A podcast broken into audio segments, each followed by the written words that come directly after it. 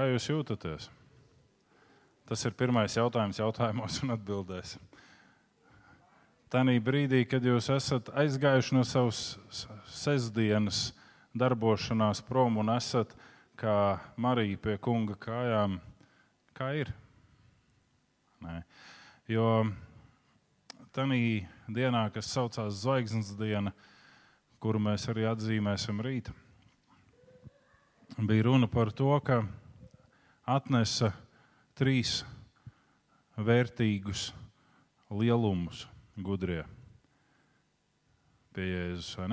Viņi atnesa zeltu, vīrāku un mirras. Un zelts ir kaut kas ļoti vērtīgs. Mēs sakām, nē, nu tagad tur rubīni, diamanti un, un, un šīs visas lietas. Bet zelts ir tā, tā laika pat augstākā vērtība, kuru mēs varam redzēt cilvēku tādā ikdienišķā līmenī. Un vai Dievs priekš tevis ir šī vērtība? Gatis runāja par to, kā tas ir, kad cilvēks atver savu sirdi, savu dzīvi demoniem. Kāpēc? Tāpēc, ka viņam nav vērtība Dievs. Viņš pajautās dievam, atbildi nav, tad skries pie kāda cita, pajautās tur, vēl kaut kur pajautās, vēl kaut kur. Okay. Vai Dievs tev ir vērtība pat augstākās zelta, vīrāks? Un jūs zināt, ka šīs smaržīgās zāles ieliek vīraknīcā un viņas izkūp.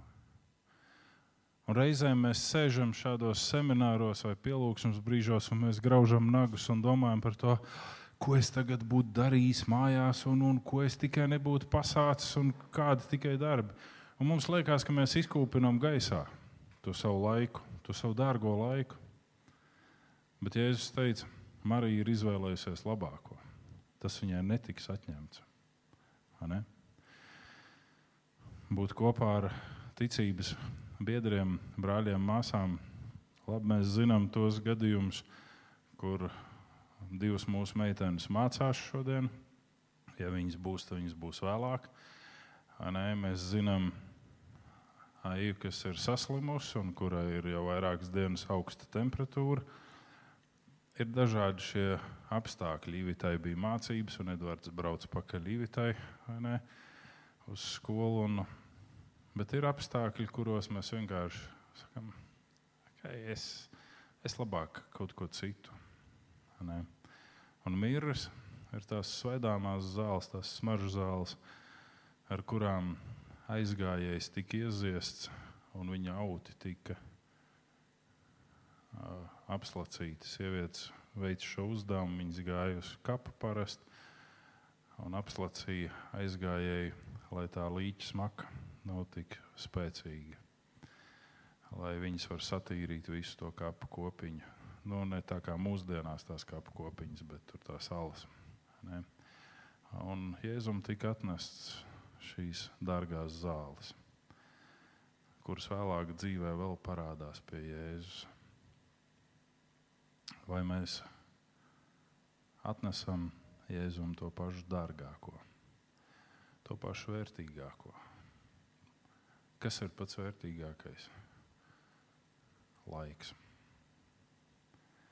vai mēs dāvājam viņam šo laiku. Un uh, Gatis šodien ir dāvājis daudz laika mums. Laiku ceļā, un tās ir spriežot pēc viņa auto, viņš nepārkāpja ātrumu. Nē. Ja parasti tādiem liepājas džigitiem, liepāja Rīga caur saldu, ir stundu 20, tad Gatim tas būs saldus Rīga gan arī divas stundas. Un divas stundas vēl atpakaļ. Un viss šīs stundas, ko viņš ir ar mums. Tas ir pats vērtīgākais, ko viņš ir devis. Savu pieredzi, savu klātbūtni. Un tāpēc, Gata, mēs gribam tev pateikties. Piedod, ka varbūt es tev neuzrunāju visos tavos vārdos, eh, bet Šī ir tikai tev domāta grāmata. Šo nevienam nedod. Un, tas ir viens no tiem labākajiem devumiem, ko mēs šajā aizvadītajā gadā esam piedzīvojuši. Tā ir šī jaunākās grāmatas tulkojums latviešu valodā un iespēja mums kopīgi mācīties un saprast, ko tas nozīmē, kad raudze kā Kristus miesa ir vienota. Un, ja sāp vienai daļai, tad sāp visām daļām. Tādēļ, ka vēl nav beigusies Ziemassvētku oktāva, kā jau mēs ar tevi runājām, tie svētki atnāk tik ātri, ka negribās viņus palaist tik ātri prom. Ziemassvētku oktāva beidzās 2. februārī. Tā kā līdz tam mēs vēl esam Ziemassvētku dekorācijās, tad šeit ir Ziemassvētku kartumiņš. Un šis ir arī tas disks viens. Uh, varbūt atceļā var paklausīties, ja nav nekā vērtīgāka, ko darīt. Un, jā. Un šīs grāmatas mēs sūtām uz to draugu, lai saldu arī uzzina, kā nogalināt kriptonītu. Tā kā lai Dievs svētī tevi. Un, un tad mums vēl ir viens ciemiņš, un tā ir Jolanta. Nē, Māris jau aizskrēja prom. Jolanta dziedās vēlāk. Un tur nevar saprast īsti, viņa ir ciemiņš vai pietuvināts ciemiņš vai neciemiņš. Bet Ziemassvētkos arī tu dziedāji mums skaisti, lai Dievs svētī tevi. Un lūk, šajā brīdī dāvans ir dots lielākais vairums dāvanu. Un uh, mēs nāksim atkal Dieva klātbūtnē dziedot. Un priekš visiem, kas pirmīt piefiksēja, rakstiet, ko es teicu, es kļūdījos. Tā nav sastā nodaļa, bet piektā nodaļa. Pants ir tas pats 13. Ne? Tā kā dziedāsim, lūgsim Dievu, un pēc tam gan es uzdošu kādus jautājumus Gatim, gan es domāju, pilnīgi brīvi jūs katrs varēsiet uzdot sev interesējošus jautājumus. Bet tagad dziedam. Pāri tukšumam, tu zemi rādīji, lai gaisma top tu teici, un tā dzīma pāri tumšai pasaulē.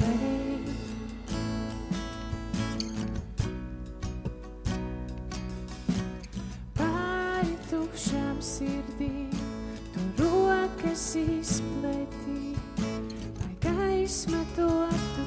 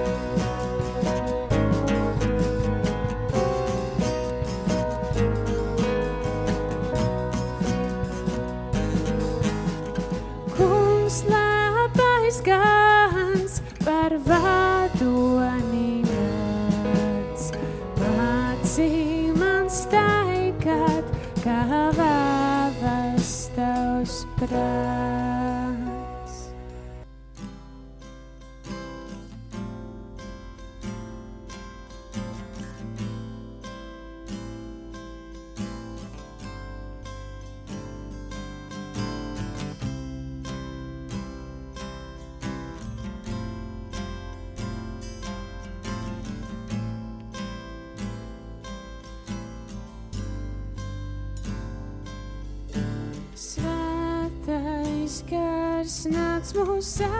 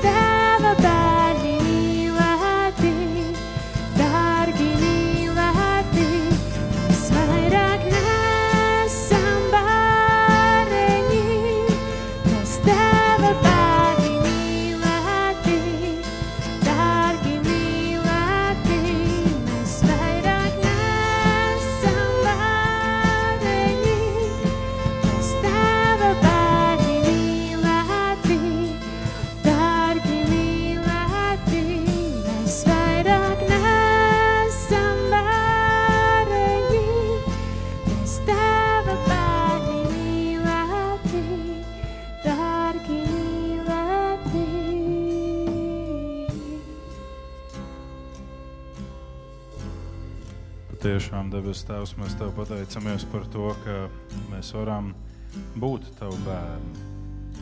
Mēs varam būt Tevis pieņemti. Un piedod par tiem brīžiem mūsu dzīves gājumā, kad mēs izvēlamies kādu citu un ne Tevi. Kā to, kam veltīt savu uzmanību, kam veltīt savu godavību. Piedod, ka mēs novēršam acis no krusta piedod, ka krusts mums top par muļķību. Jēzus vārdā pateicamies, ka mēs varam nākt, un mums ir vēl viena iespēja. Svetī mūsu ikvienu. Āmen. Jautājums numur viens, kas man rosina, ne tādēļ, ka vai es zinātu vai es nezinātu pareizo atbildi, bet uh, Tādēļ, ka ir tik daudz kristīgajā baznīcā šodien to herēžu, dažādu ienākušas. Un nav vairs ne origēna, ne tertuliāna, kas rakstītu pret herēzēm. Ne. Uh, ir piedzīvots tas paradoxālais fakts, ka tu ieej baznīcā un kāds, kurš pa priekšu lēkā, pasakā, tev ir ļaunais gars. Un nu tad viņš un visa draudzene sāk tur dzīt ārā Tu aizēji prom, nākamā svētdiena atnāca, atkal tev ir ļaunais gars, atkal jādzen ārā. Ne? Un tā tas turpinās, līdz rodas jauns action. Ne? Uh, ko tu saki par šādu situāciju? Ko tu saki par šādu sevi pašu nosauktu eksorcistu? Un ko tu saki par šo situāciju, ka tur ir vesela masa cilvēku? Labi, nu, šodien mēs tā esam 20. Ne? Bet principā citreiz ir 100 un 400, varbūt pat 1000 cilvēki. Un es tev pēc tam pastāstīšu, kāpēc es šo jautājumu uzdevu. Ne? Bet, uh, Cik, cik pamatot ir šāda eksorcisma? Pirmkārt, neviens um, nevar sevi iecelt par eksorcistu. Um, lai arī kādreiz uh, nu, var dzirdēt um, dažādas, uh, dažādas pretargumentus un, un teikt, ja man, man tur uh, svētais gars pateica, Un, uh, un tāpēc es uh, ar to nodarbojos, vai, vai vēl uh, nu, dažādi, dažādi varianti. Bet,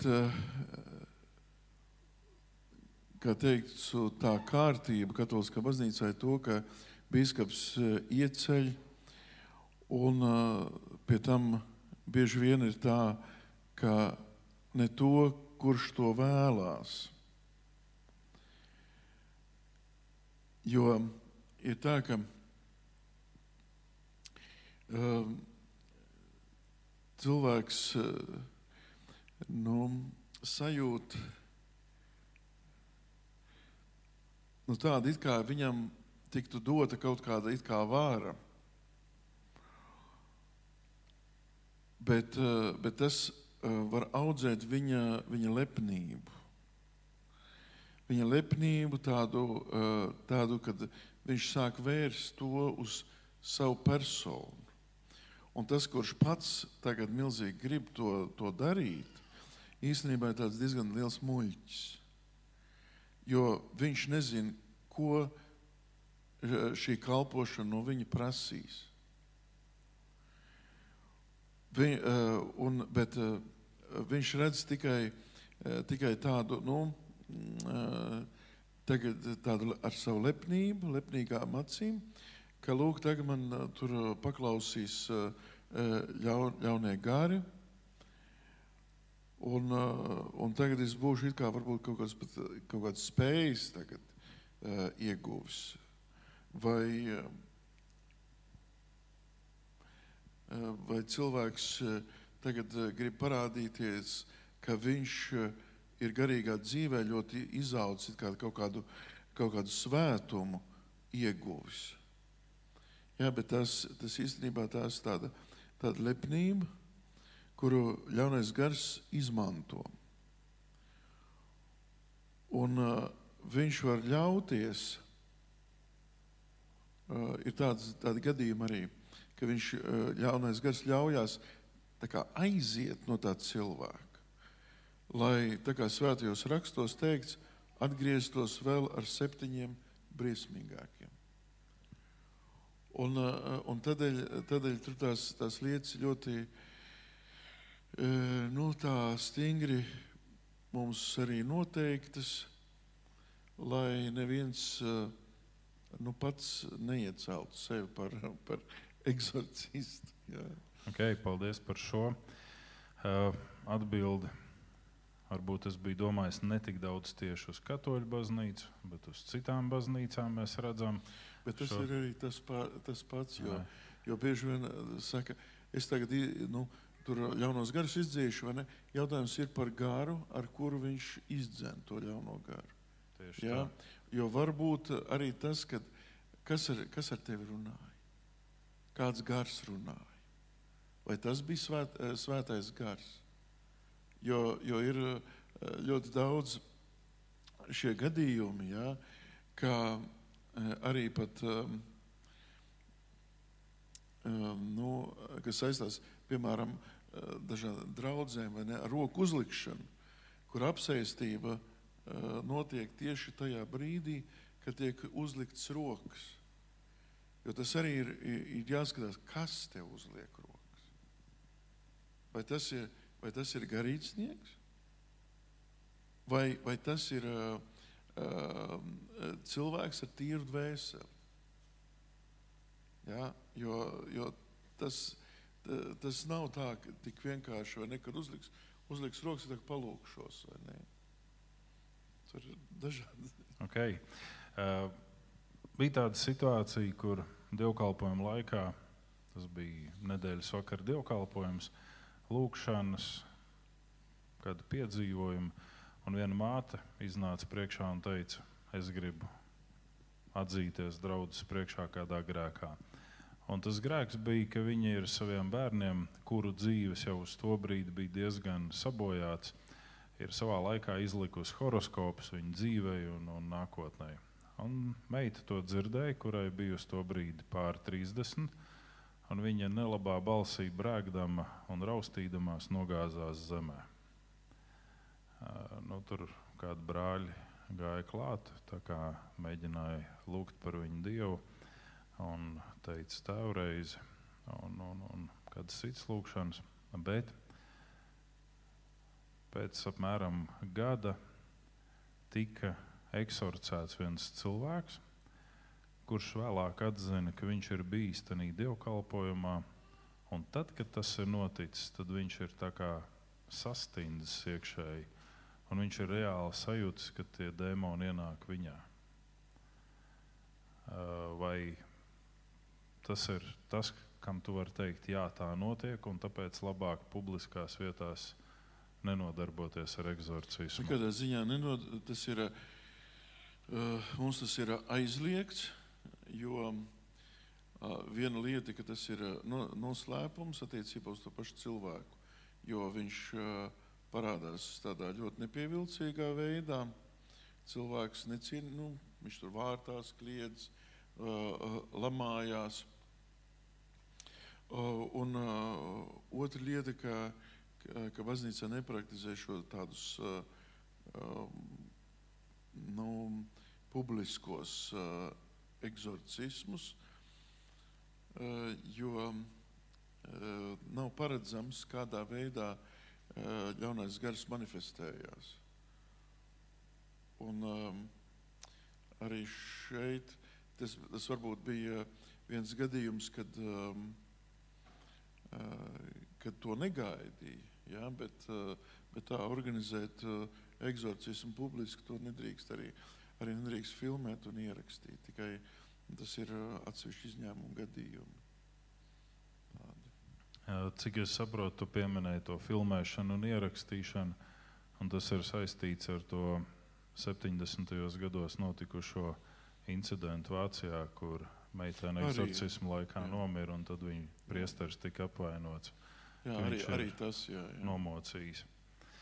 Um, Bet tur arī bija tik tiešām nu, šie pārspīlējumi. Ja, jo tur, uh, tur bija tas laiks uh, pa ilgu, daudz pārsniedz to normālo laiku, jo eksorcismu laiks ir apmēram stunda pusotrs, kas, ko, ko var atļauties.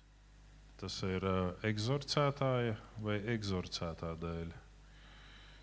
Nu, tas ir gan, gan. Jā. Jo pēc tam, pēc eksorcisma, tad uh, arī es esmu tāds, ka uh, nu, to tajā dienā vairs neko nevar izdarīt. Un, uh, uh, un uh, arī tas cilvēks, kurš uh, uh, ir tas apsēstais cilvēks, arī viņš ir nu, pēc uh, sporta zāles, kā viens otrs liecina. Tā, un arī tie, kas ir palīgi, viņi arī nu, ir iztukšoti. Viņi pilnīgi jā, jā, jāatpūšas. Ja. Tanī brīdī, kad tu aicini palīgus, vai tu arī brīdini, ka viņu veselība un dzīvība ir apdraudēta? E, Jā, es viņiem to, to arī saku. Um, dzīvība netiek apdraudēta, bet, bet veselība jā, Okay. Un tavu pašu veselība. visādi. Visādi iet, jā, jo tas, tas nav jo, jo tik vienkārši, ka liktos, ka es aizēju uz, kā uz dievkalpojumu, notur svēto misi, bet uh, eksorcisms uh, uh, iesākās, nu tas varētu teikt, tie, tās izpausmes iesākās jau iepriekšējā, iepriekšējā vakarā, jā, kad, piemēram, naktī nevar gulēt, kad ir sapņi tādi, tā kā, nu, kad ļaunais gars uzbrūk, bet tie sapņi nav, nav vienkārši murgi, bet tie ir, um, kad, kad ieraugu to ļaunu. Jā, un tāpat tās arī dažādas, uh, dažādas citas lietas, vai ne, ka uh, nu, man automašīna pilnīgi saplēs. Ik par, un, un, un arī veselībai tas uh, viņš uh, nu, diezgan, diezgan iespaidojams. Redz, kāpēc es jautāju to par to veselību? Atkal ir tas mirklis, kad cilvēki daži dzird, ah, ir eksorcisms. Nu, tad tagad es arī būšu, jo taču gara dāvāns ir dots visiem. Bet Pāvils un Sīla eksorcismu dēļ nonāca cietumā un tika piekauti.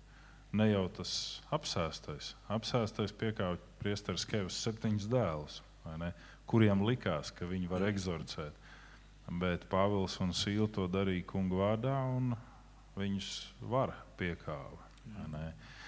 Situācija uh, ilgstošā laikā uh, sieviete tiek uzskatīta par psihiatriski slimu, uh, nepieskaitām. Uh, viņas sajūtas, ka viņai tārpi nāk no smadzenēm ārā un no galvas. Un, uh, vienīgais grēks, ko viņa grēksūdzē nožēlo, ir tas, ka viņa kaut kad ir gājusi pie zilniecēm. Un tad, kad tiek runāts ar viņu un lūgts, ir tāda sajūta, ka viņai ir, tā kā tu pirmie teici, vate. Uh, Viņa hroniski ir slimnīcā, mazliet mājās, atkal slimnīcā. Uh, Vai varētu būt runa, ka viņa ir apsēsta? Nu, tas katrs gadījums ir atsevišķi, tur, tur ir jāpēta. Um, bet uh, viens jautājums ir, vai tā terapija, ko slimnīcā pielieto, vai tā nes kas, kaut kādus augļus. Absolūti nē, paliek aizvien sliktāk. Ja, kāda ir uh, arī nu, tad, kad um, viņa, nu, tad, kad tiek lūgts par viņu, kādas ir tās, nu, tās izpausmes. Jo nu, var arī būt tāds, uh, tāds gadījums, ne, kad uh, ir gan apsēstība, gan arī psihiskas novirzes jau. Jo tajā apsēstībā tas ļaunais gars noved to cilvēku tādā, arī līdz tādam vājprātam var aizvest. Jo pastāvīgi turot viņu uh, eksistenciālās bailēs. Um, tāpat tās arī eh, lietojot eh, medikamentus, kuri nepalīdz, kur viņš eh, kļūst par tādu, nu, doktora rokās, par tādu izmēģinājumu trusīti. Tagad es iedošu eh, viņam šādas zāles, palīdzēs, nepalīdzēs, un redzēs, došu citas zāles, vai ne? Un, un tad, eh, nu, tur tās kombinācijas. ir.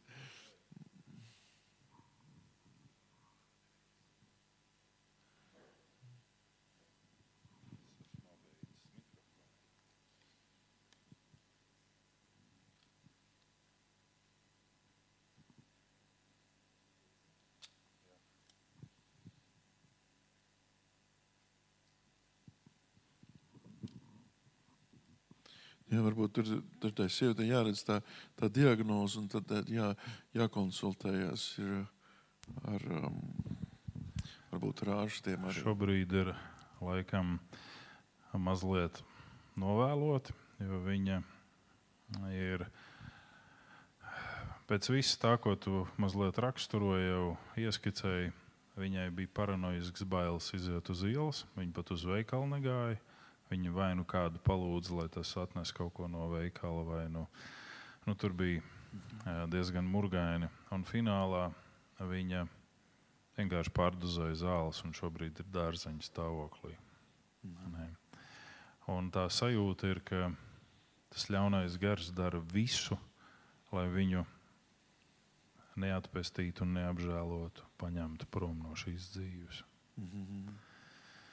Uh, otra situācija, jeb jautājums, vai ilgstoša uh, nodošanās atkarībām var novest apsēstībā?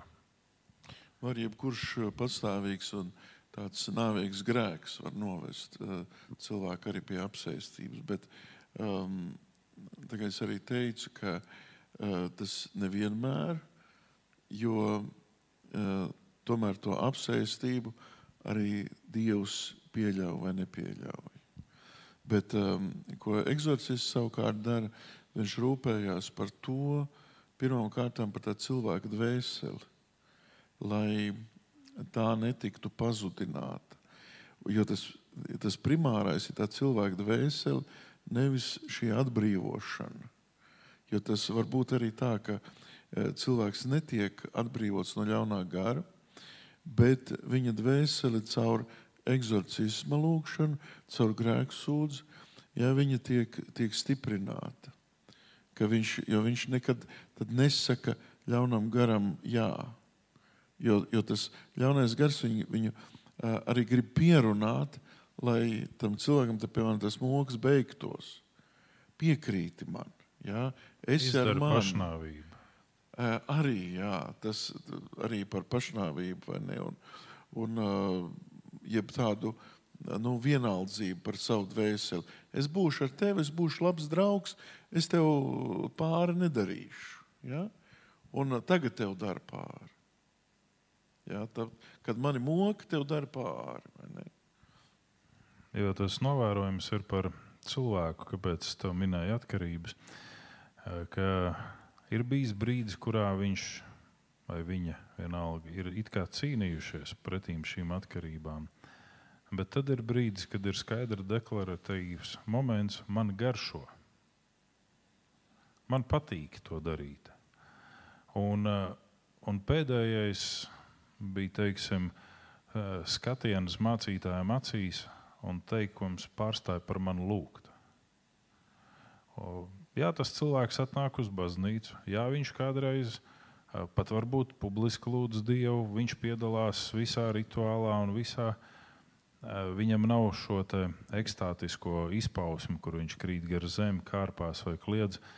Bet tā sajūta ir, ka viņš ir apmierināts ar šo stāvokli, un viņš nevēlas brīvību. Nu, tā var būt vai, vai nu aplenkums, vai, vai apsēstība.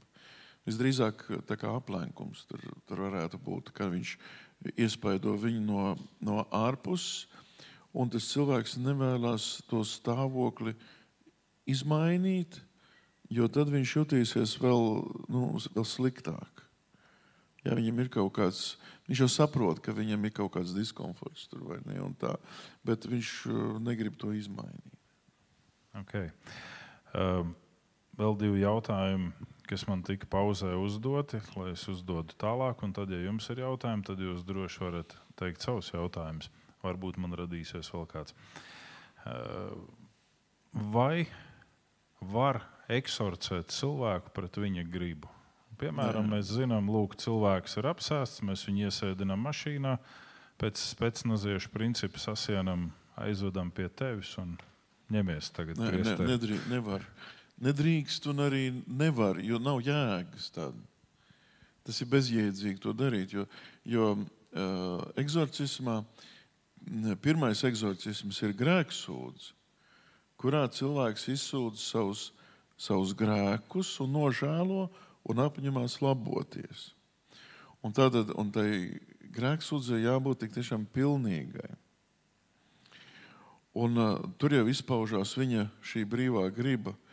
Un, uh, un tad uh, viņš uh, ļauj, lai notiek šī mm, eksorcisma liturģija. Bet pret viņa gribu nav, pilnīgi nav jēgas. Tas. Jo viņš piekrīt tad ļaunajam garam, kas viņā, kas viņā atrodas. Un ir tādi cilvēki, cilvēki bijuši. Uh, ne pie manis nav nākuši, jo tādi viņi, viņi nenāk. Ja?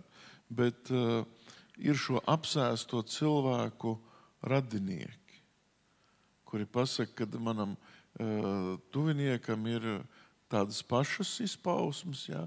tikai viņš, viņš nevēlas, viņš ir nocietinājies.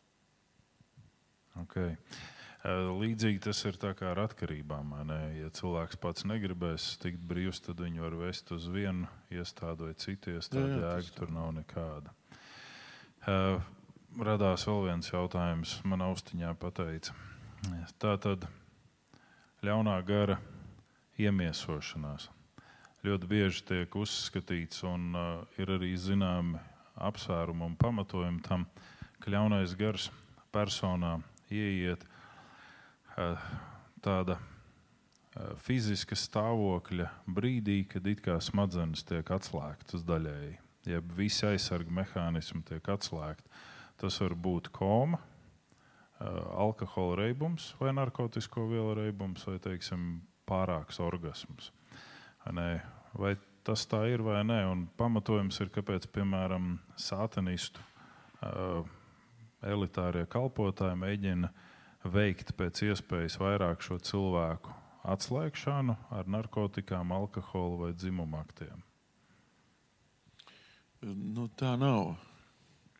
Ka, um, ka, tas, ka tas notiktu piemēram komā vai kaut kādā nu, tādā neprāta stāvoklī. Jo cilvēks, uh, cilvēkam ir svarīga brīvā griba, un viņš uh, pats tam, tam piekrīt. Tas nav vienmēr tā, ka cilvēks pasaka, ka es vēlos, lai jaunais gars iemiesojās manī. Bet tas, ka cilvēks ļaujās kādam grēkam, arī tā skaitā, piemēram, kaut kādam okultismam. Nu, nu tā, tad, kad uh, lieto kaut kādas aprēķinošās vielas, tas uh, uh, to brīvo gribu vienkārši dara nu, tādu. Um, Vieglāk pār, nu, pārkāpjam, ja, tā, tā kā iespaidojam. Okay. Kamēr tu atbildēji, austiņā pateici vēl divus jautājumus, bet tā, tad tas viens, kas palika no iepriekšējās reizes. Ko lūdzu? Vai tu no saviem amatbrāļiem esi sajūtis tā tādu novēršanos dēļ šīs kalpošanas, kur tev ir dieva un biskupa uzticēta?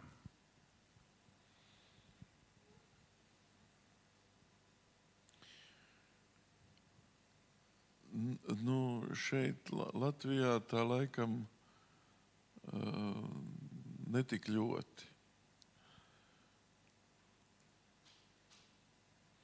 Bet, eh, bet ir tā, ka eh, bieži vien ir tā, ka par to eh, nu, negrib dzirdēt. Ja, un, nu, tā acīs jau nesaka. Ne? Bet, bet, bet negrib, nu, tā negrib tur, tur par šo, šo jautājumu dzirdēt. Nu, jautājums kādēļ?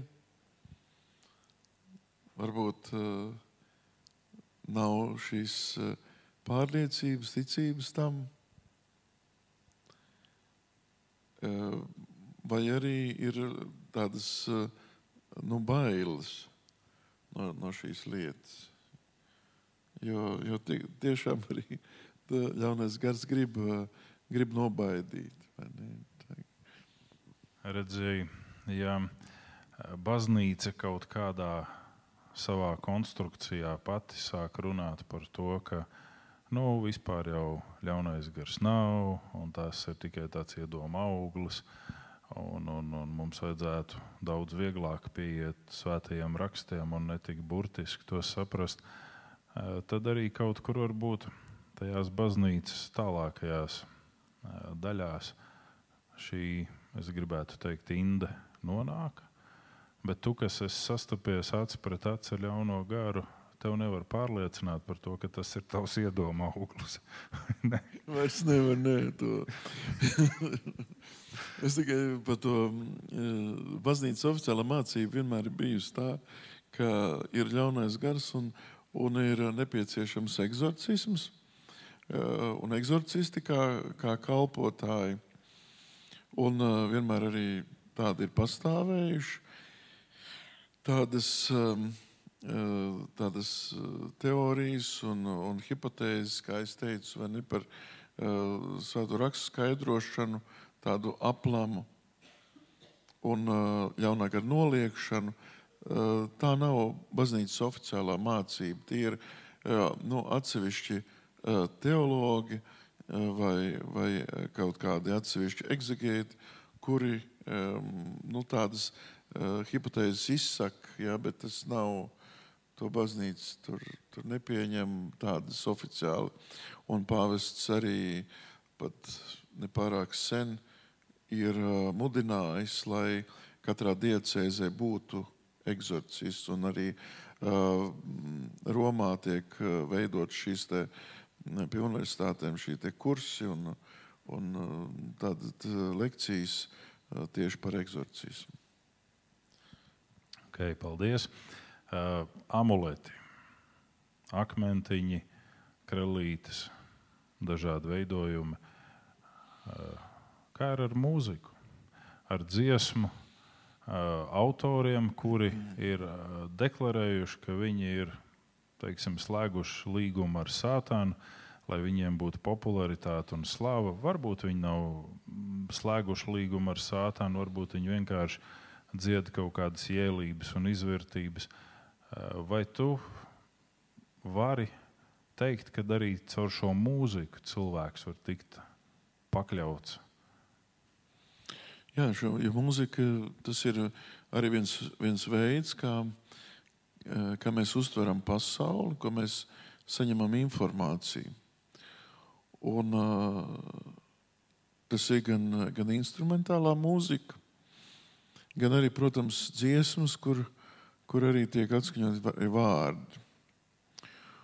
Un um, pastāv šī cilvēku tāda, nu, tāda ietekmēšana caur, caur mūziku, caur uh, arī, piemēram, ņemot kaut kādus uh, Āfrikas šamaņu uh, ritmus un, uh, un uh, to mūzikas tradīcijas kurās eh, cilvēki nonāk eh, kaut kādā nu, tādā, tādā stāvoklī, kur viņa apziņu var viegli ietekmēt. Un, tad ir zināmas tā, arī tādas metodas, kuras, kuras sātnisti pielieto mūzikā, roka mūzikā īpaši lai, lai ietekmētu cilvēku apziņu. Un, piemēram, arī to, nu, to dziesmu vārdus otrādi atskaņojot. Ja, tur arī tas ir, un, un visi arī šie šamaņu ritmi ir, ir tādi, kas jāizvēlās, ir, ko mēs skatāmies, ko mēs uh, lasām, arī kādas grāmatas, un arī ko mēs, ko mēs klausamies. Ja, jo, jo, piemēram, uh, klasiskā mūzika, kas ir tie pētījumi arī bijuši ne, par, par, um, um, uh, gan par Beethovenu, ja, tur mūziku un, un tā, kas, kas attīsta cilvēku. Ja, pilnīgi otrā, ne, bet ir arī mūzika, kas sagrauj. Uh. Vai jums ir kādi jautājumi radušies, ja man pievērsties austiņai? Jā. Man arī ir austiņa. Um, man ir jautājums. Jūs pieminējāt um, šāmanismu un transu, tad, kur apziņa ir apdraudēta un var cilvēks tikt apsēsts ar dēmoniem vai nu, ietekmēts kaut kādā tad kur ir atšķirība starp um, hipnozi un to transu, abas divas apziņas ir traumētas, un cik viegli vispār var būt apsēstam? Ne, tur, tur ir tā, ka uh, jābūt ir uh, skaidrs cilvēkam, ka, uh, ka darbojas viņa brīvā griba, jo bez tās nevar notikt apsēstība arī tā kaut, kaut kādā veidā cilvēks to jāsaka tam ļaunajam garam.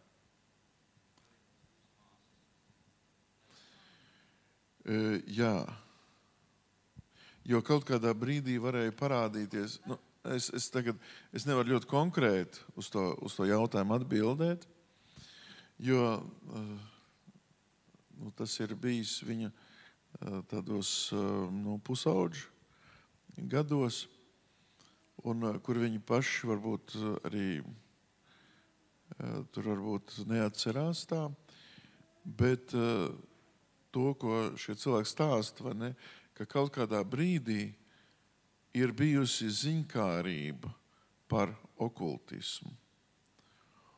Un, un mēģināts nu, vai, vai kaut ko darīt šajā jomā, vai, vai, vai nu, kaut ko nepieņem piemēram no tās, no tās vecmāmiņas, bet, um, bet vienalga, piemēram, izlikt kārtas. Ja? Gars jau, gar, tas pats gars jau ir. Ja, viņš jau tur, tur nemainās.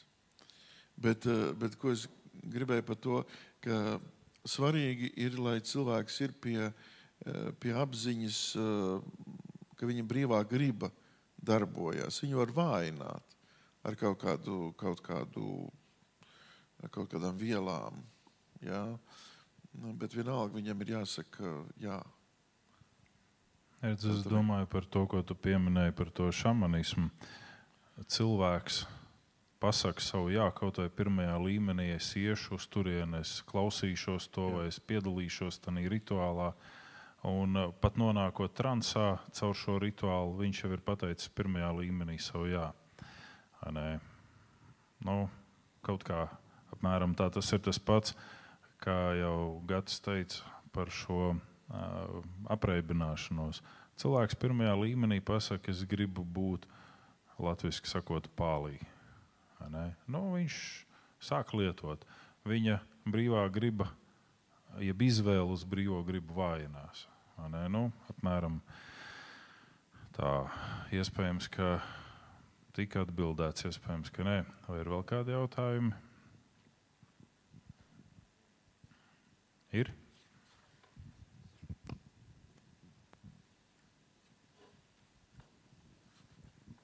Vai ir bijis kādreiz tā, kad atnāk kāds pie jums un uh, tur nav ļaunā gara? Jā, ir tā bijis. Un ir bijis arī, kur uh, mēģina tēlot apsēstību. Arī cilvēki, piemēram, ar uzmanības deficītu, um, viņš, viņš atnāk un viņš sāk tēlot šo apsēstību, un viņš izstāsta um, tā kā no grāmatas. Jo viņš ir izlasījis vienu grāmatu par uh, apsēstību, un uh, nāk un, un, un uh, stāsta, ka viņam tādas, nu, tādas izpausmes ir. Un uh, nepavēlti eksorcismā, jeb uh, tur ir tāda arī atpazīšanas lūkšana.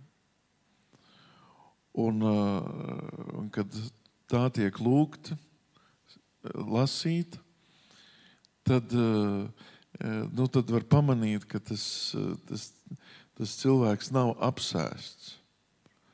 Pat sakot, tā, tā tante spiedza tad, kad, viņa, tad, kad nevajadzēja. Un tad, kad vajadzēja, tad viņi stāvēja klusi. Bet gadās arī tā, vai ne? Viņš žirafe nebija.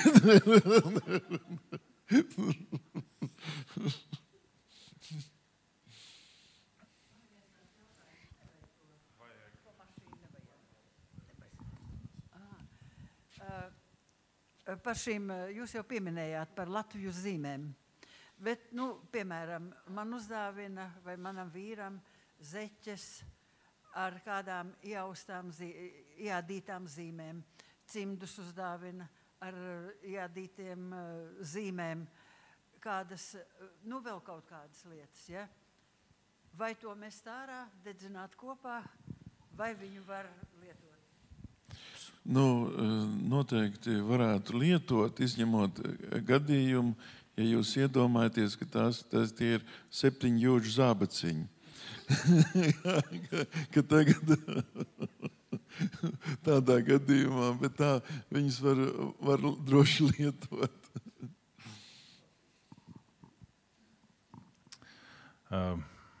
es domāju, ka varbūt tā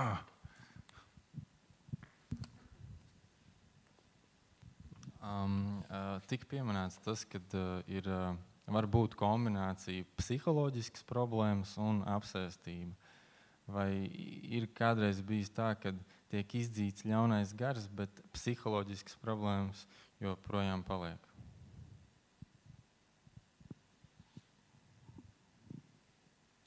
Ir bijuši tādi, mm, es esmu sastapis šādus, šādus cilvēkus Um, bet uh, nu tā līdz, līdz galam uh, tā lieta nebija novesta. Jo tas cilvēks, kas um, arī ir nu, viņš, nu, nervu slimnieks, ja? nu, viņam, viņam bija grūti nu, kaut kādu regularitāti, tādu, teiksim, nākt, nākt pie manis un uz eksorcismu. Un, bet, bet tur bija apsēstība un, un arī nervu saslimšana. Bet man, man ir tomēr jautājums. Okay, uh, teica, ka ar varu nevar vēst. Bet, ja tas ļaunais gars to cilvēku ir tup, tik ļoti saēdis, ka viņš vienkārši pats brīvprātīgi nekad to nedarīs. Un tad varbūt kaut ko jau sākot tur darīt no eksorcisma puses, tad viņš arī būs uz to grēks, spējīgs iet un, un arī nožēlot. Un vai var tā būt? Jo, nu, es, piemēram, agrāk, kad praksē gāju psihiatriskā slimnīcā, nu, tur reizēm tiešām te nav psihiatrija, bet te kaut kāda apsēsība. Bet kā lai tam cilvēkam palīdz? Psihiatram diez vai es to teiktu. Man pašu jocīgi skatīsies, vismaz 98. gadā. Not, noteikti jocīgi skatīsies. Bet uh, tad ir vispirms uh, personīgā lūkšana par to cilvēku, lai viņš uh, pienāktu pie tādas apziņas, ka viņam ir nepieciešams uh, uh, eksorcisms, šāda veida palīdzība. Jo, jo bez uh, tā, ka viņš apzinās, to nevar. Un, uh, un arī neviens eksorcisms, eksorcists normāli to, to nu, nedrīkst ņemties. Tā. Ņemt tādu cilvēku nu, uz uh, eksorcismu.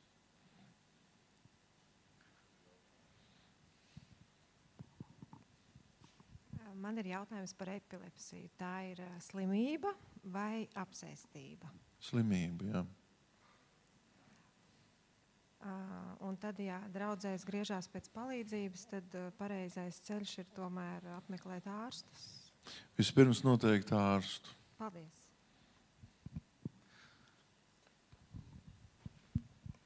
Sakiet, es saprotu, ja teiksim, pie jums vēršās kāds cilvēks, kur, kuram ir uh, psihiskā saslimšana, jūs uh, mēģināt ar ārstiem sadarboties parasti. Jā. Mhm. Vismaz ar ģimenes ārstu vai nu, kādā līmenī tas ir nepieciešams. Jā. Lai saprastu, kas ir darīts. Un, un... Jā. Paldies. Arī atnes šos te izrakstus, un, tā, lai, lai tāda skaidrība.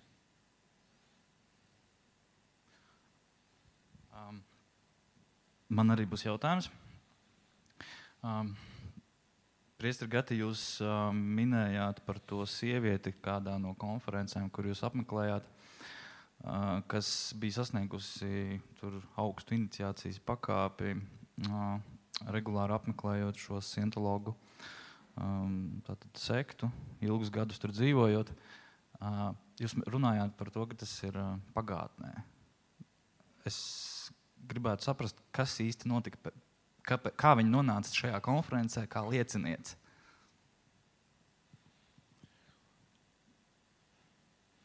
Tad, kad viņa bija sasniegusi tās augstākās iniciācijas pakāpes, eh, tad eh, viņai sakot, notika eh, tur diezgan liels tādas traģēdijas viņas eh, ģimenē. Um, es pareizi atceros ar dēlu dēlu un vīru, laikam, tur, uh, kur viņa uh, sāka domāt arī, ka, kādēļ tas ir. Jo, uh, kā jau es arī iepriekš teicu, ka ļaunais gars prasa tos vislielākos upurus šiem, šiem cilvēkiem.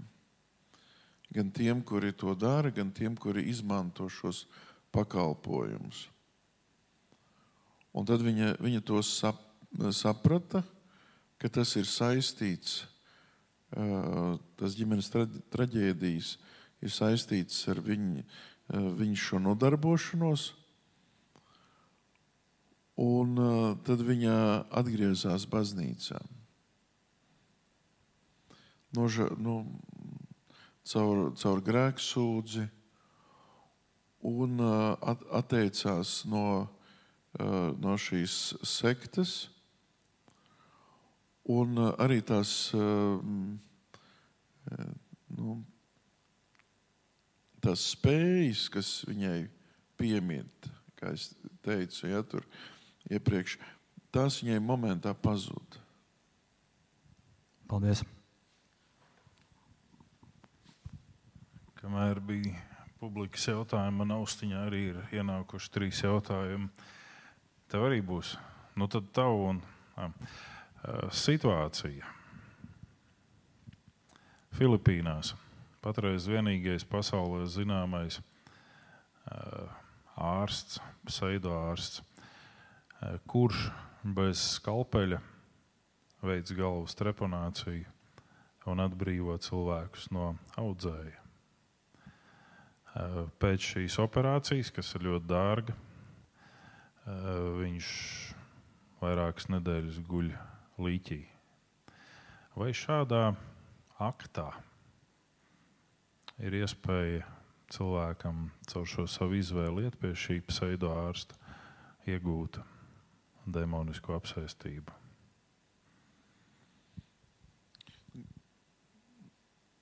Nu, nevienmēr tā nu, apsēstība var būt. Nu, jo ļaunais gars, viņš arī to cilvēku pēta un, un kā viņš labāk var ar viņu tikt galā, kā viņš labāk var pietuvoties viņa, viņa dvēselē. Ja?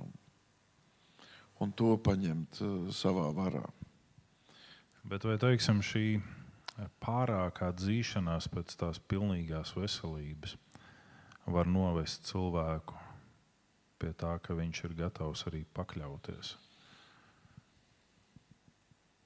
Jā, protams, ne, jo, jo uh, tas kļūst par elku. Jā, tas novērš cilvēku to skatienu no dieva, bet uh, tas ir vērsts uz, uz sevi, uz savu teiksim, tādu miesas kultu. Vai... Okay. Uh, tā tad otrs jautājums no austiņas. Meitene cīnās ar ārkārtēju migrēnu. Visu savu apzināto vecumu no 11 gadiem sākot. Tad, kad viņai aprit 20 gadi, vecāki viņu ir veduši pie ārstiem, pie mācītājiem, visur, kur nekas nelīdz. Viņa aizved pie tantes. Nezinu vārdu tantei. Tante dara, ko nu dara. Galvas sāpes pāriet. Bet Anta saka, šito koloniņu turpmāk nesā vienmēr kaklā. Pirmais brīdis ir ok, bet tad sākās visādas problēmas. Viņai viens pēc otra krīt ārā bērni, viņai laulībā neveicās, viņai praktiski nekur neveicās. Līdz viņa atkal nonāk baznīcā. Un stāsta visu savu dzīves stāstu mācītājiem, Un mācītājs saka, parādi man to kuloniņu. Un kuloniņš izrādās ir atverams, un iekšā ir zīmīte. Es tev došu veselību.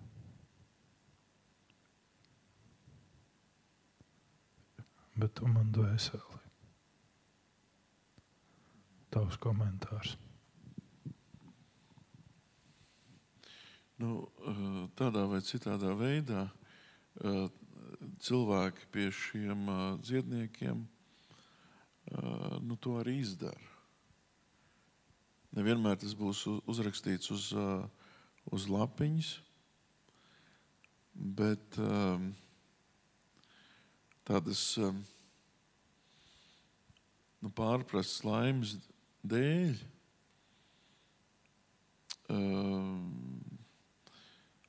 tā, nu, cilvēki to, to izmanto. Ne, būs tā, ka, piemēram, tā migrēna, to varēja varbūt tas e, arī ļaunais gars to izraisīt. Jo viņš e, varēja prognozēt, ka tas cilvēks ies tālāk un viņu aicinās savā, savā dzīvē. Jo tas cilvēks varbūt bija nu, uz to uz tādām lietām nosliedz. Un, uh, nu, pēc tā ļaunā gara prognozēm arī tas, uh, tas notiek. Um, ir arī tā, ka cilvēki tik tiešām slēdz šos liegumus. Un, uh, tas, tas nav tas, tas nav pasakas, kā arī, pat, eh, arī parakstās un parakstās ar asinīm. Arī nu, dažādi ir. Un uh, iegūstot, uh, pretī iegūstot kaut kādu kā, uh, nu, īslaicīgu tādu labumu. Ja? Tātad, piemēram, tai, tai sievietei pārgāja tā migrēna, bet iesākās daudz lielākas kaut kādas problēmas. Tāpat tās arī nu, ko mēs esam dzirdējuši par kaut kādiem mūziķiem, kuri arī slēguši ir, ir šos līgumus ar sātanu. Viņi iegūst, uh, iegūst kaut kādu popularitāti, bet viņi um, reklamē tādu ļauno garu uh, ar savu, savu mūziku. Ne, negribās nosaukt to par daļradiju. um, un, un tad beidz savu dzīvi bieži vien vai nu pašnāvībā, vai kaut kādā pārdozējot narkotikas, vienalga kaut kādā necienīgā veidā. Jautājums trešais, kas bija austiņā, un tad atkal publikas jautājumi. Vai ir viens, jeb varbūt arī daudzi iekšā? Varbūt arī daudzi. Un uh, eksorcisma laikā var būt tā, ka uh, katrā reizē, kad notiek eksorcisms, tad uh, pa kādam bariņam ne, iziet ārā. Arī tā, tāds var būt. Varbūt daudz leģions. Ja? Man ir viens jautājums. Kā jūs domājat, kā vislabāk rīkoties tādā situācijā, ja tev, piemēram, kolēģis vai tiešais priekšnieks darbā ir apsēsts ar varu un tiksminās par nu, savā ziņā citu cilvēku pakļaušanu viņa nu, varas izpausmēm? Likt viņam saprast, ka nu, viņa ļaunais nu, gars darbojas, lūgt par viņu, kā būtu vislabākais. Un priecājās arī par tādām nu, nopietnākām lietām, kad uh, cilvēks uh, ir aizvests nu, teiksim, viņa kaut kāda ietekmes dēļ, ar sirdi palika uh, slikti un aizvests uz slimnīcu. Nu, izklausās pēc uh, psihopāta, ja, un, un tāds, tāds varētu būt, vai ne? Uh, bet noteikti lūgt par viņu. Un klusībā lūgt, lai, lai pārmainās tā situācija. Jā, bet diez vai teiksim, kaut, ko, kaut kāda runāšana ar viņu tur līdzēs. Jā, psihopātam diez vai. Man tā piebilda par to filipīniešu ārstu, kurš ne tikai galvu, bet arī ginekoloģiskas problēmas. Viņš apcīt arī Latvijā bija un tur bija gara rinda. Man ir jautājums, vai kristieši var tikt apsēsti? Piemēram, piemēram, ir tur aktīvs kalpots, un tad nu, nav jau tas, ka kristietis nenozīmē, ka tā dzīve ir viegla un ka nav problēmas. Un tad kaut kāda šauba uzrādās un aiziet pie tās pašas tantiņas, tur pajautāt. Un, un tad ir jautājums, kas pēc tam ar to cilvēku notiek. Vai ir sekas, vai nav, vai tur. Es, ne, es nezinu, vai svētais gars visu laiku tādā cilvēkā ir, vai viņš arī aiziet prom. Man nesaprotams. Ir. Jā. Um, diviem kungiem nevar kalpot. ja, un, un ir tā, ka mm, tieši ļaunajam garam ir tā kāri uz kristiešiem. Jo kristīts tas nozīmē, viņš ir iezīmēts jau ar šo pestīšanas zīmi cilvēks. Un ļaunais gars viņu grib paņemt savās ķetnās. Tad, um, nu jā, tad, kad cilvēks aiziet pie, uh, pie šī te, uh, nu, zīlnieka vai, vai dziednieka vai kaut kādu uh, cilvēku, kas nodarbojas ar okultismu, viņš izdara nāvīgu grēku. Un nāvīgs grēks nozīmē to, ka viņš ir pilnībā šķirts no Dieva. Līdz ar to viņš nevar arī caur lūgšanu vairs saņemt uh, Dieva žēlastību, izņemot atgriešanās žēlastību. Jā, tātad vispirms tad viņam ir jāatgriežas, jānožēlo, jāsaņem grēku piedošanu, tad viņš var saņemt pārējās žēlastības, tad, tad viņā atgriežas šī dieva mīlestība. Divi jautājumi. Mēs pirms brīža dzirdējām šo stāstus no popkultūras arī par šiem mūziķiem, kas paraksta uh, līgumus par dvēseles pārdošanu.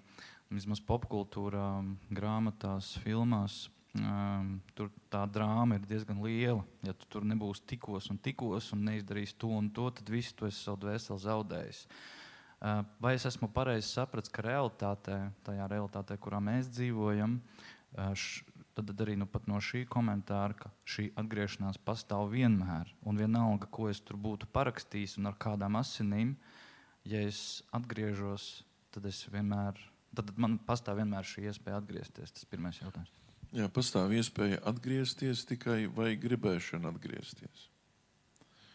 Jo tur ir tik tālu, vai ne? Tas, tā ietekme ir, ka cilvēks vairs negrib atgriezties. Viņš ne, neredz jēgu ka ļaunais gars viņu tik tālu pakļāvis, ja, ka viņš neredz jēgu e, atgriezties, neredz jēgu ticēt. Tā, bet, bet atgriešanās vienmēr ir iespējama. Mm -hmm.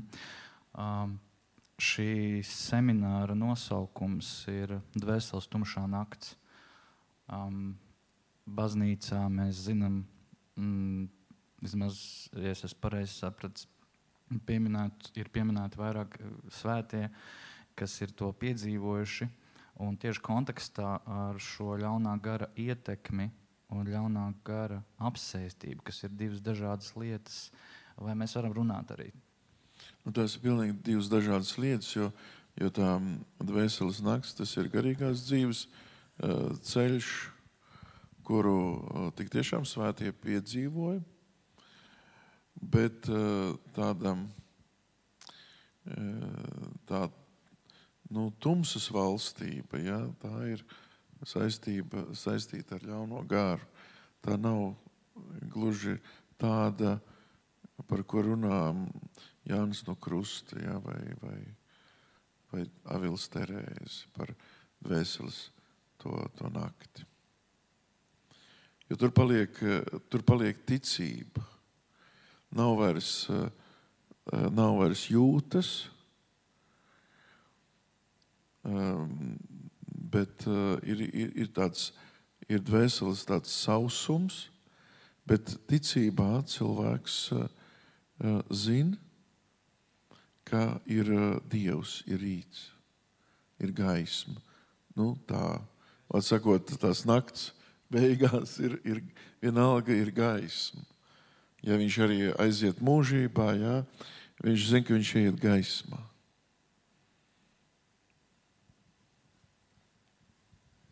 Uh, ok, tik tālu paldies. Vai ir vēl kādi jautājumi? Vai atkal pievērsties diktoram no austiņas? Nepaklausība. Uh, ir kādas vispār zināmas, piemēram, mm, likumiskas lietas vai uh, baušļi. Un cilvēks apzināti izvēlās tiem neklausīt, lai gan viņš tiek brīdināts, ka tas ir neriktīgais ceļš, tas ir nepareizais ceļš. Un tad sākās tāda argumenta, kas tad ir pareizs, tas vispār ir relatīvi vai ne, pareizs, nepareizs. Jebkurā jautājumā, piemēram, jautājumā par laulību, jeb par attiecībām starp ticīgu un neticīgu. Par, es nesaukšu tagad visas tās lietas, bet principā vai nepaklausība arī ir ceļš uz šo aplenkumu un ir ceļš uz šo kā, tālāko izvēli būt citā kundzībā. Ja noteikti nepaklausība ir tā, tas viens no, mm, viena no tām lietām, kas ļaunam garam ļoti patīk. Jau no, no paša sākuma, no, no pirmajiem cilvēkiem, varētu teikt, ne, kur, kur arī bija nepaklausība dievam. Un nepaklausība, um, piemēram, baznīcai arī. Jā, kāpēc? Eh, tāpēc, ka baznīca um, uztur um, šīs uh, ticības patiesības pasaulē. Lai tās, uh, lai tās mēs zinātu, lai tās mēs arī uh, ievērotu savā, savā dzīvē. Un uh, baznīca ir, uh, ir un paliek svētā gara vadīta. Un, ja mēs neusticamies vairs baznīcai, nepaklausām baznīcai, jā, tad mēs bieži vien iekrītam ļaunā gara apskāvienos, ja, jo tas, uh, nu, tas, tas viņam patīk. Uh, reizēm arī ir tā, ka arī baznīcā veidojas tādas, nu, tādas nošķirtas, tādas kopienas, kuri, kur reizēm saka, um, nu, ir tā, ir tā, bet es domāju, ja, un, un kā Pāvils Francisks jau reiz saka, vai ne, tur aiz tā, bet, ja, beidzās tev piedarība baznīca. Ja, tur tur vairs tu aizēji projām jau no, no, no tā, kur tu esi svētā, tajā svētā gara patvērumā, tajā, tās patiesības patvērumā. Nepaklausība ļaunam garam ļoti, ļoti patīk. Jā, tas tā, tās viņa. Es domāju, tāpat viņam patīk pretīm runāšana. Ja cilvēks labprāt izvēlās mm, runāt pretīm autoritātēm vai dievu vārdam, pat ar savu rīcību. Uh, tu zini noteikti to, ka dažādos tulkojumos, un šobrīd arī latviešu, ir izņemti no Bībeles 86 panti ārā. Ar dažādiem pierādījumiem. Tur ir pierādījumi, ka tie panti nav bijuši sākotnējā tekstā, ar pierādījumiem par daudz ko citu. Vai šāda patvaļa pret Dievu vārdu nes sevī arī kaut ko no tā visa, ko mēs šodien runājām? Jā, protams, ne, jo tas ir Tas ir tas uzbrukums nu, patiesībai. Arī ko ļaunais gars, nu, tā viņš, tas, viņa, tas viņam patīk. Un, un to viņš arī,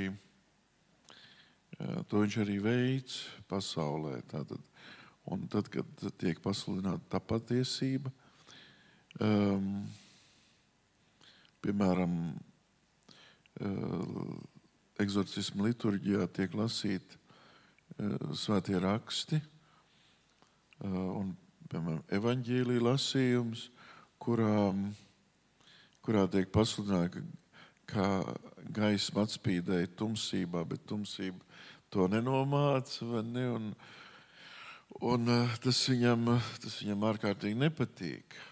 Tur ir, um, tur ir bļaušana un spiekšana tajā, tajā brīdī, vai arī um, ticības apliecinājums, kas tiek, kas tiek skaitīts, kuru ļaunais gars negrib, negrib dzirdēt. Un uh, tad arī viņš, viņš trako un krata galvu. Un, un reizēm uh, tieši vārdos pasaka, viņš kliedz, kad viņš ka viņš netic, ka viņš nepieņem to. Kāda nozīme ir Jēzus asinīm eksorcismā? Nu, Jēzus uh, ir izlējis pie krusta savus, savus asinis, un tajā, tajās um, uh, nu, šajā Jēzus upurī pie krusta slēpjas viss. Uh, tas spēks visiem, visiem sakramentiem, visai, visai ticībai, un tā skaitā arī nu, eksorcismam.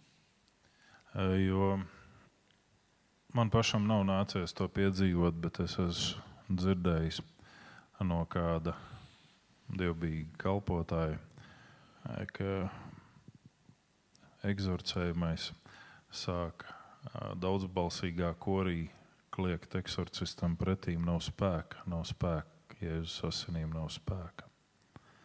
Tāda klaina icināšana Kristus asinīm. Un tāpēc, ja mēs lūdzam šajā lūkšanā gan kā ticīgie sev, Kristus asins patvērumu un aizsardzību, vai arī tā kā pieminētajos gadījumos par citiem, kas varētu būt uh, aplenkumā vai apsēstībā, eh, tad Ir spēks, nav spēks. Jā, protams, ne, teiksim, um, reizēm ir, ir tā, ka pirms eksorcisma uh, priesteris uh, uh, svin svēto misi uh, vai nu Jēzus vārda godam vai Jēzus asiņu godam. Jā, tas, tas tā notiek.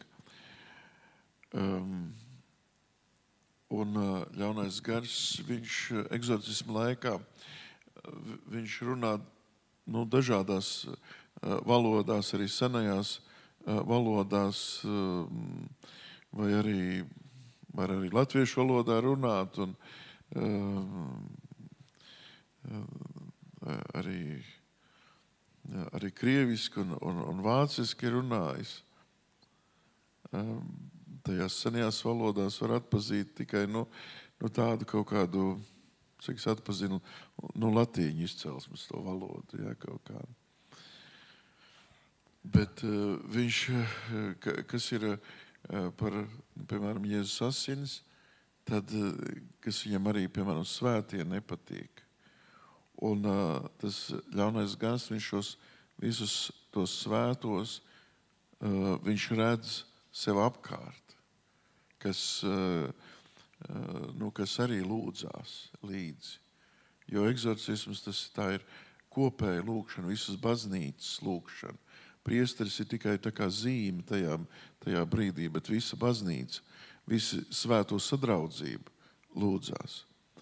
Un, uh, uh, un īpaši viņš nevar paciest dievmāti, jo uz to, to viņš brēc, viņš nevar izteikt dievmāti šo vārdu, bet uh, viņš vienmēr uh, pie dažādiem šiem apsēstiem cilvēkiem ir izklieguši tā kundze.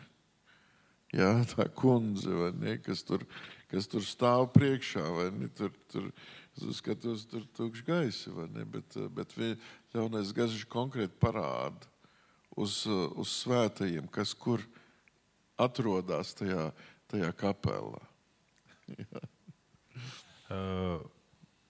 Vai pastāv tāda varbūtība, ka cilvēks dzirdējis par garīgajām dāvanām, varbūt jauns kristietis, varbūt ne tik jauns ticības stāžā, bet dzirdējis par garīgajām dāvanām, ļoti, ļoti, ļoti tiecās pēc šīm garīgajām dāvanām, un ka viņš nonāk ne pie tā dāvinātāja. Tieši tā tas var notikt, ja tā ir.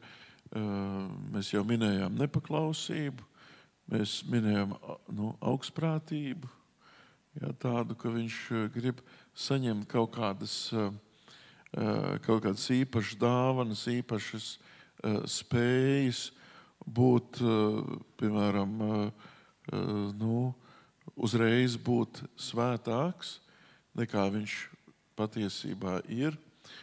Nu, un ļaunais gars to, protams, izmanto, jo tas šajā gadījumā tas dvēseles stāvoklis ir um, tieši tāds pats, kā cilvēks, piemēram, lūgtu ļaunajam garam kaut kādu uh, Eh, arī kaut kādas spējas. Paldies. Ir vēl kādi jautājumi?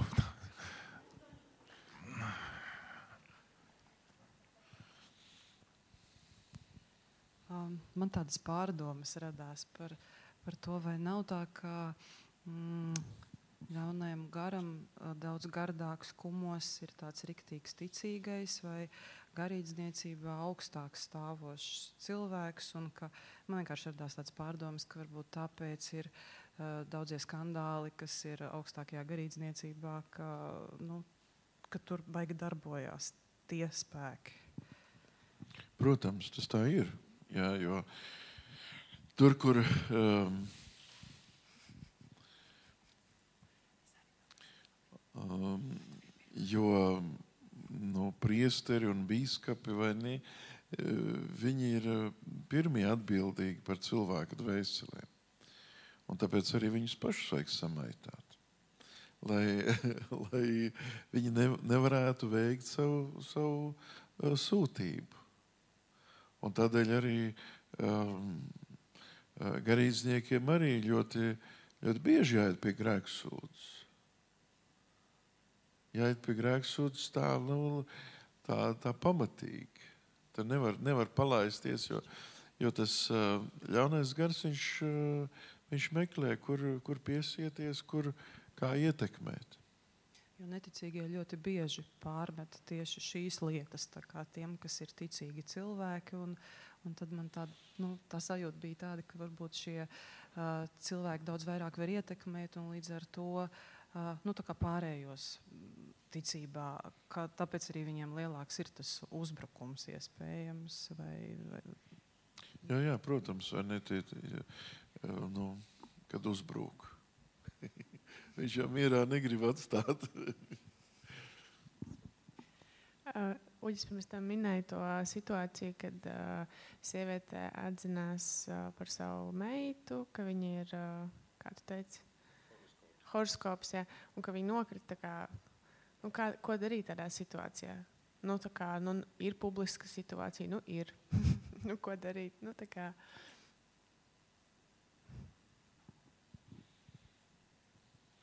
uzreiz tā grūti pateikt, ko tur, ko tur darīt. Jo tās, tās situācijas droši vien ir atsevišķi nu, dažādas. Un tas ir jāredz no tās situācijas, kas tur, eh, kas tur notiek. Uh,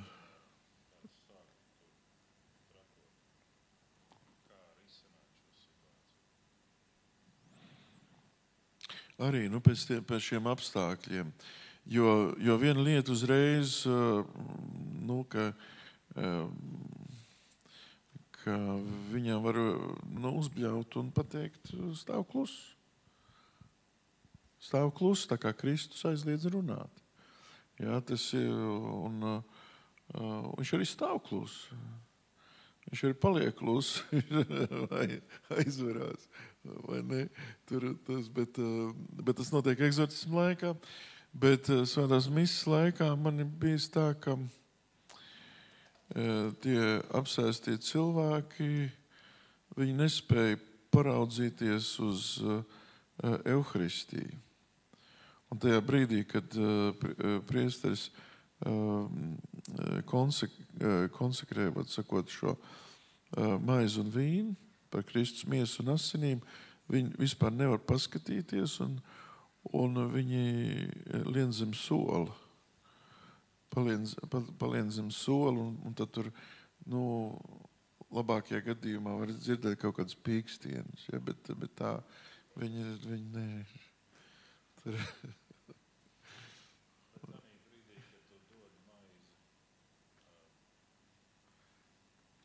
Tam apsēstie. Jā.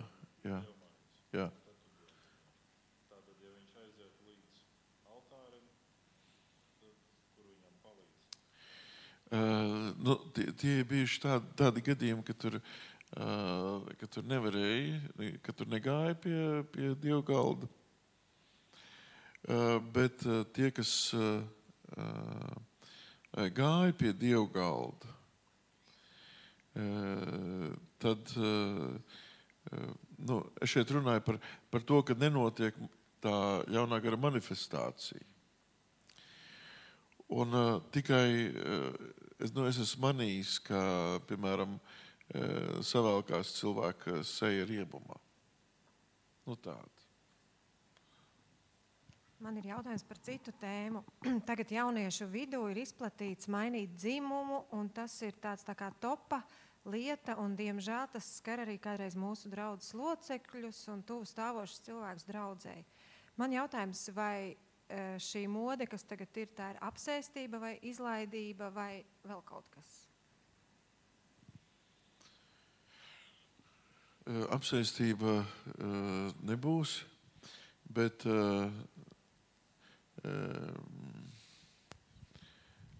varētu šeit runāt par Um, par tādu izlaidību, bet uh, visvairāk man liekas par tādu apjukumu. Tad, par tādu cilvēku apjukumu tajā, tajā pasaulē. Uh, nu, nu tā. Tas, protams, ir uh, ka ļaunais gars, viņš jau tajā pasaulē darbojās. Un viņš tādā apjukumā ieved cilvēku. Viņš nesaprot, cilvēks nesaprot, kas viņš ir, kāda viņa identitāte, kāpēc viņš šajā pasaulē vispār kustās, te, kaut ko dara. Par uh, hostijas nepieņemšanu. Vai nav bijis tā, ka cilvēks, nu, okay, labi, saprot, tur ir tiešām apsēstība, tā, bet nav bijis tā, ka cilvēks jūtās vainīgs, viņš ir sagrēkojis un pirms tam nav bijis uz grēksūdzi vai nožēlojis pietiekami un jūt, ka sirdī es tomēr laikam neesmu. Jo man citreiz tā ir, zin, ka es esmu savārīju ziepes, man kaut kā nevalk. Ne, tur ir nu, tie, kas uh, iet pie dievgala, tie iet. Mm. Jā, viņš, viņš var iet un viņš pieņem. Uh. Tikai es saku, tas ap, apsēstiem cilvēkam, nu, kā dodot uh, komuniju, tad uh, ievēroju, ka viņi, viņi seja vienkārši tādā riebumā sašķiepjās. Bet viņš pieņem. Es nezinu, kāpēc tas cilvēks bļauj, kad uh, svētās asins, Kristus asins ir nekas.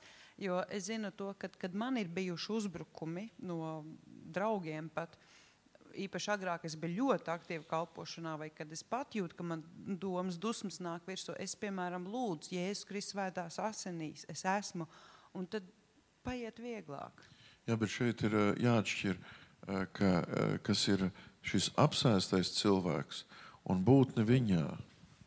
Jo tā tieši vēlns bļauj tajā brīdī ar to cilvēku balsi, to cilvēku muti, ne, ka, uh, ka Jēzus asins nav nekas. Viņš runā ne pats cilvēks.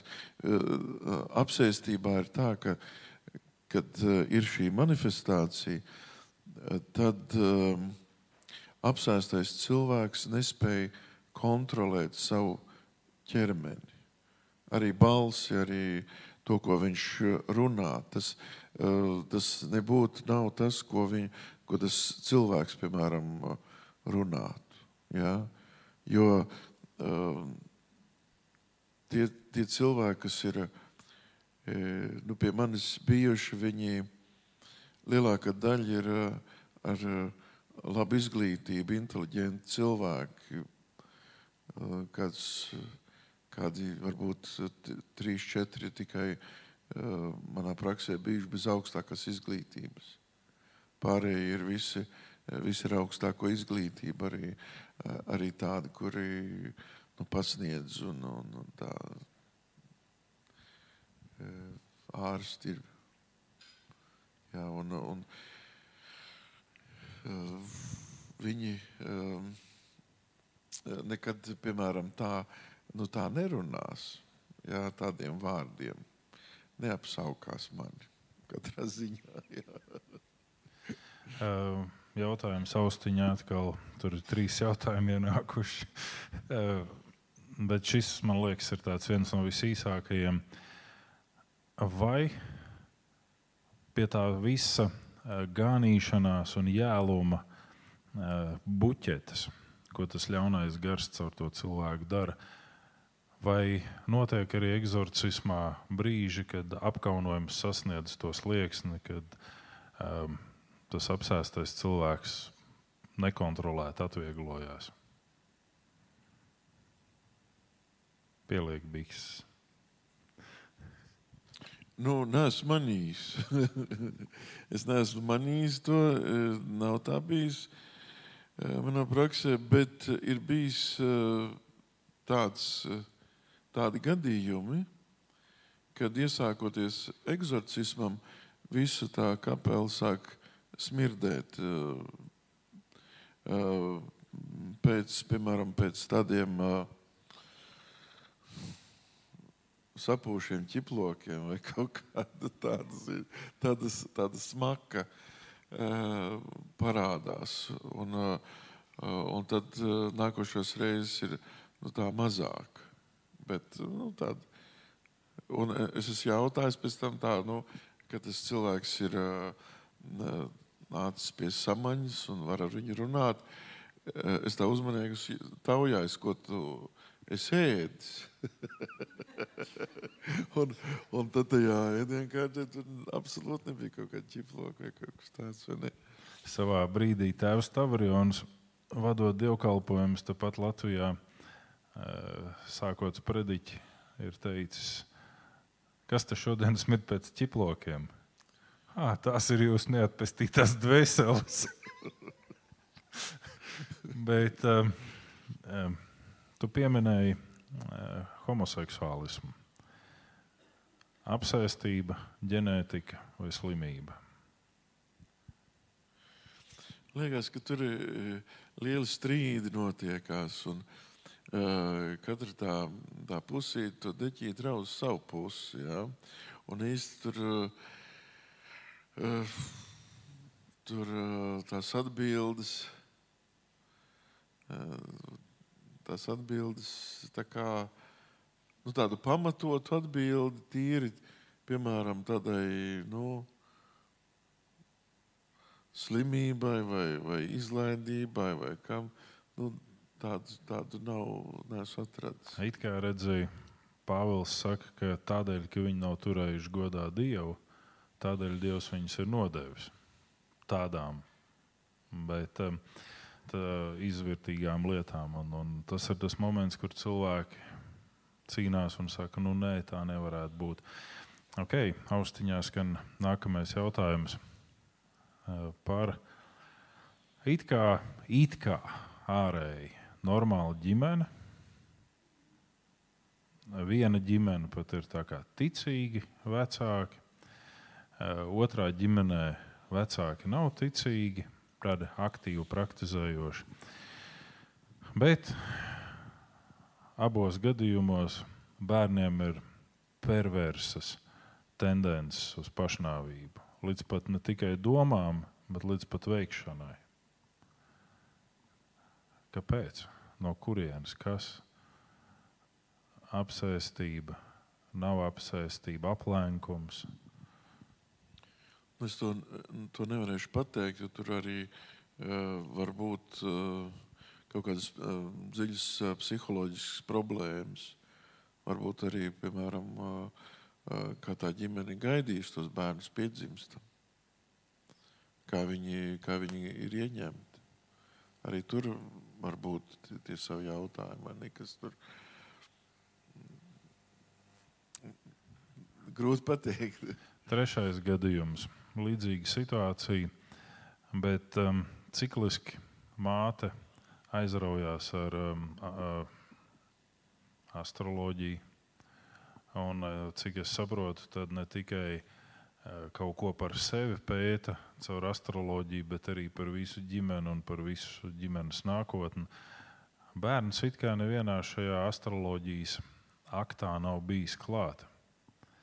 Bet arī bērnam ir nomāktība, ir smaga depresija un ir nevēlēšanās dzīvot. Tas ļoti iespējams varētu būt tā, ka tas atsaucās uz šo bērnu.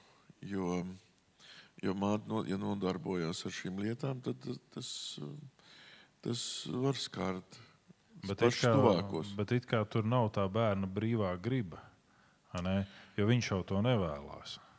Uh, jā, bet uh, šeit ir uh, tā māte, kas arī zināmā mērā pārstāv to bērnu brīvo gribu. Jā, bet, bet eh, šeit nebūs vienmēr tas, kad um, aplenkumā ir cilvēkam pašam jāpiekrīt. Varbūt arī tā, ka tas, tās problēmas vienkārši tas ļaunais gars viņš viņiem rada, lai tam cilvēkam, kas, kas ir kalpo ļaunajam garam, lai nu, radītu vēl kādas, kādas ciešanas caur, caur to, ka viņa, viņa bērns cieš. Vai nezināšana um, nedod kaut kādu vieglāku aplenkumu vai apsēstību? Jo, piemēram, virkni cilvēki, kas baznīcā neiet, Viņiem pat šķiet, ka tas ir veselīgi. Reizes gadā aiziet pie kādas zilnieces vai pie kāda pušļotāja vai burvja. Nu, visi tā dara. Tas ir parastais arguments. Nu, visi tā dara. Un, uh, un kas notiek šajā gadījumā? Jo tā ir viņa brīvā griba nonākt aplenkumā un varbūt pat apsēstībā. Bet uh, viņam nav neviens bijis, kas pasakā, hei, tas nav ceļš, pa kuru ir jāiet. Varbūt pat ir citi, kas pamudina, no aizai, aizai. Jebkurā gadījumā uh, tas cilvēks jau ir nonācis uh, tādā atkarībā no ļaunā gara. Un tad noteikti viņš tāpatās ir traumēts, viņa psihi traumēta. Un, un trešais, ka viņš jau tāpatās ir ļaunā gara rokās, un uh, viņam um, vi, viņš vienkārši ļaunais gars viņu patur tajā savā, savā redzes lokā, savā, savā pulciņā. Jā, viņam daudz nav jāuztraucās, ka viņš, viņš varētu aizbēgt. Jā. Jā. Viņš jau ir piesējis viņu. Daudz būtiskāk ir dabūt vienu ticīgo līdz tantiņai. Jā, jā. tieši tā, vai ne? Jo, jo reizēm arī aizejot tam cilvēkam pie, pie tā dziednieka, viņš jautā, tu esi kristīts vai neesi kristīts. Un, ja viņš, tas cilvēks nav kristīts, tad viņš sūta, nu, tu aizēji nokristies, un tad es tev palīdzēšu. Bet kāpēc vajag šo iezīmēšanu? Tieši tāpēc, ka tā ir iezīmēšana, ka tas jau ir Dieva bērns, un tagad var jā, tas ir, tas ir saldējums ļaunam garam. Jā. Okay. Bet kā ir ar to gadījumu? Vēl ir kādi jautājumi jums? Man austiņā ir viens jautājums. Jānim, jā, labi. Jāni, mēs tev redzējām, tikai nesāc pīkstēt savādāk domu, ka tevī kaut kas slikts ir. Viņš ir palīdzis. Kas ir? Pulkstenis jāpaskatās.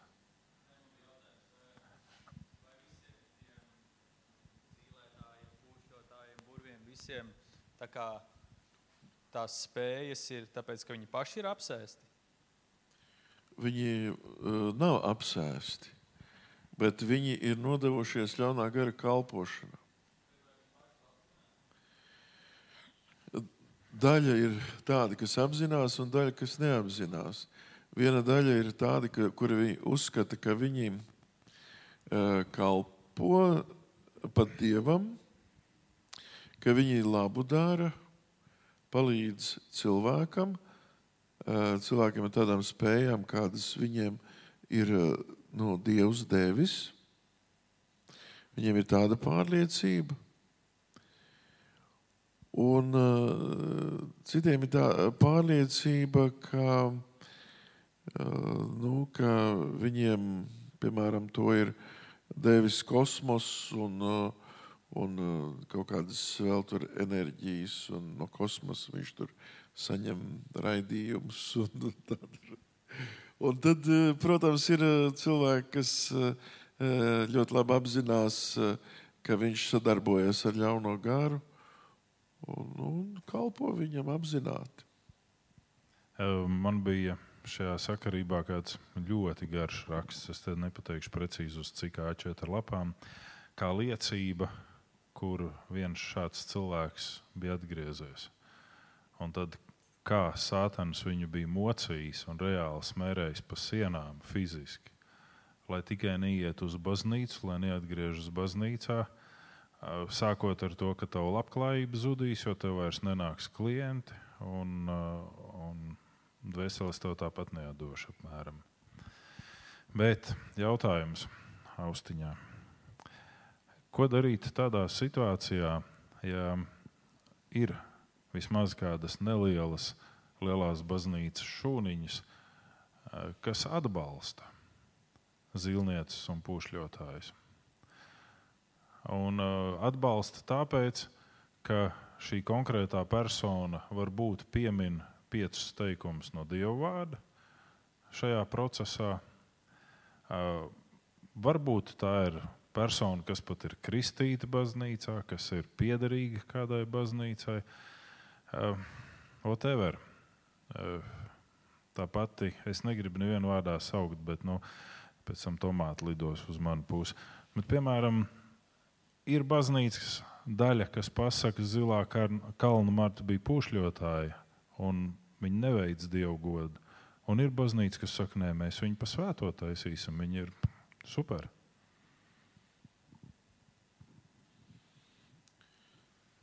Nu, ja tādas, ja tādas,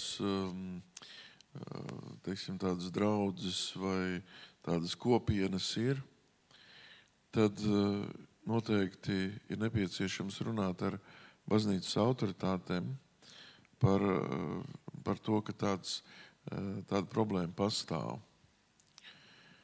Un kādu laiku atpakaļ Liepājā Svētās Annas draudzē bija mācītājs iesaulnieks. Es saukšu vārdu, tā kā tas ir. Jo citādi mēs, jā, mēs tā slēpjamies, kuru, kurš tieši tādā veidā nodarbojas ar, ar okultismu. Un uh, arhibīskapam Vanagam tad bija tas zināms, un uh, viņi izslēdza viņu no baznīcas, šo mācītāju. Protams, viņš uztaisīja tur savu kompāniju, tādu, kas ir uh, kaut kāds kristiešu un ebreju hibrīds, tāds kaut kas, un, uh, un turpina savu, savu darbību. Bet eh, šie augļi no šīs draudzes ir diezgan briesmīgi. Ka eh, liela daļa šo cilvēku ir ar, eh, slimi ar schizofrēniju.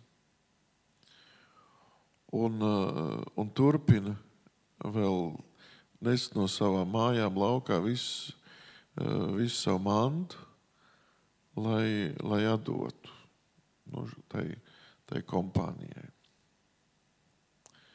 Viņi ir, viņi ir tādā pilnīgi nu, tādā atkarībā. Viņi, kad viņi viņam parunā šiem, šiem cilvēkiem, viņi, viņi saka, jā, jā, es to visu saprotu.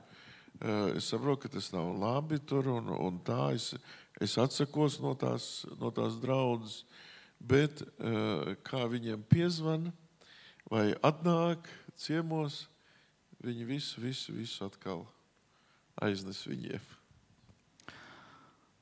Um, tieši šajā kontekstā par, uh, par šo gadījumu Liepājā un par. Es uz īsu brīdi biju izskrējis, tādēļ es nezinu, varbūt kāds paspēja šo jautājumu uzdot, bet tad piedodiet. Um,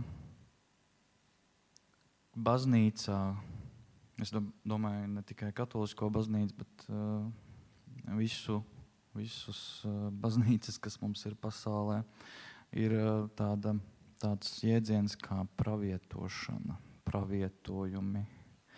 Un, tā mana loģika, tā neiedziļinoties, ir, nu, kad ir kaut kāda autoritāte, kam es sekoju, un tad es, tad es zinu, vai tas cilvēks var sevi dēvēt par pravietu vai nē. Jo Dieva vārdā par to tiek runāts, ka šīs dāvanas tiek iedotas, tāpat kā mēlēs, runāšanas un tā tālāk. Manas bažas ir par to, arī kontekstā par šo liepais gadījumu, un arī par varbūt sabiedrībā nesen izskanējušo gadījumu Jālgavas novadā. Um, nu, kur ir tā, tā smalkā robeža, kurā saprast, ka te beidzas svētā gara darbība, bet sākas ļaunā gara darbība. Kas ir tie kritēriji, pēc kā to atpazīt?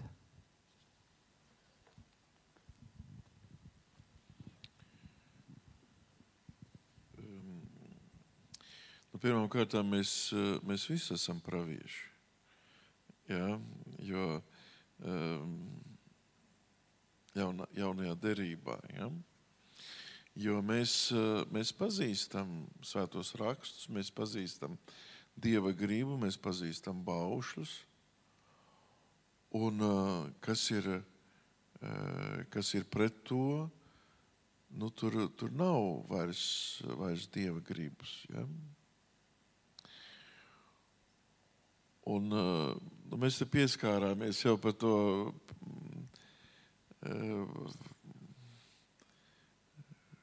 Uh, kā tur bija.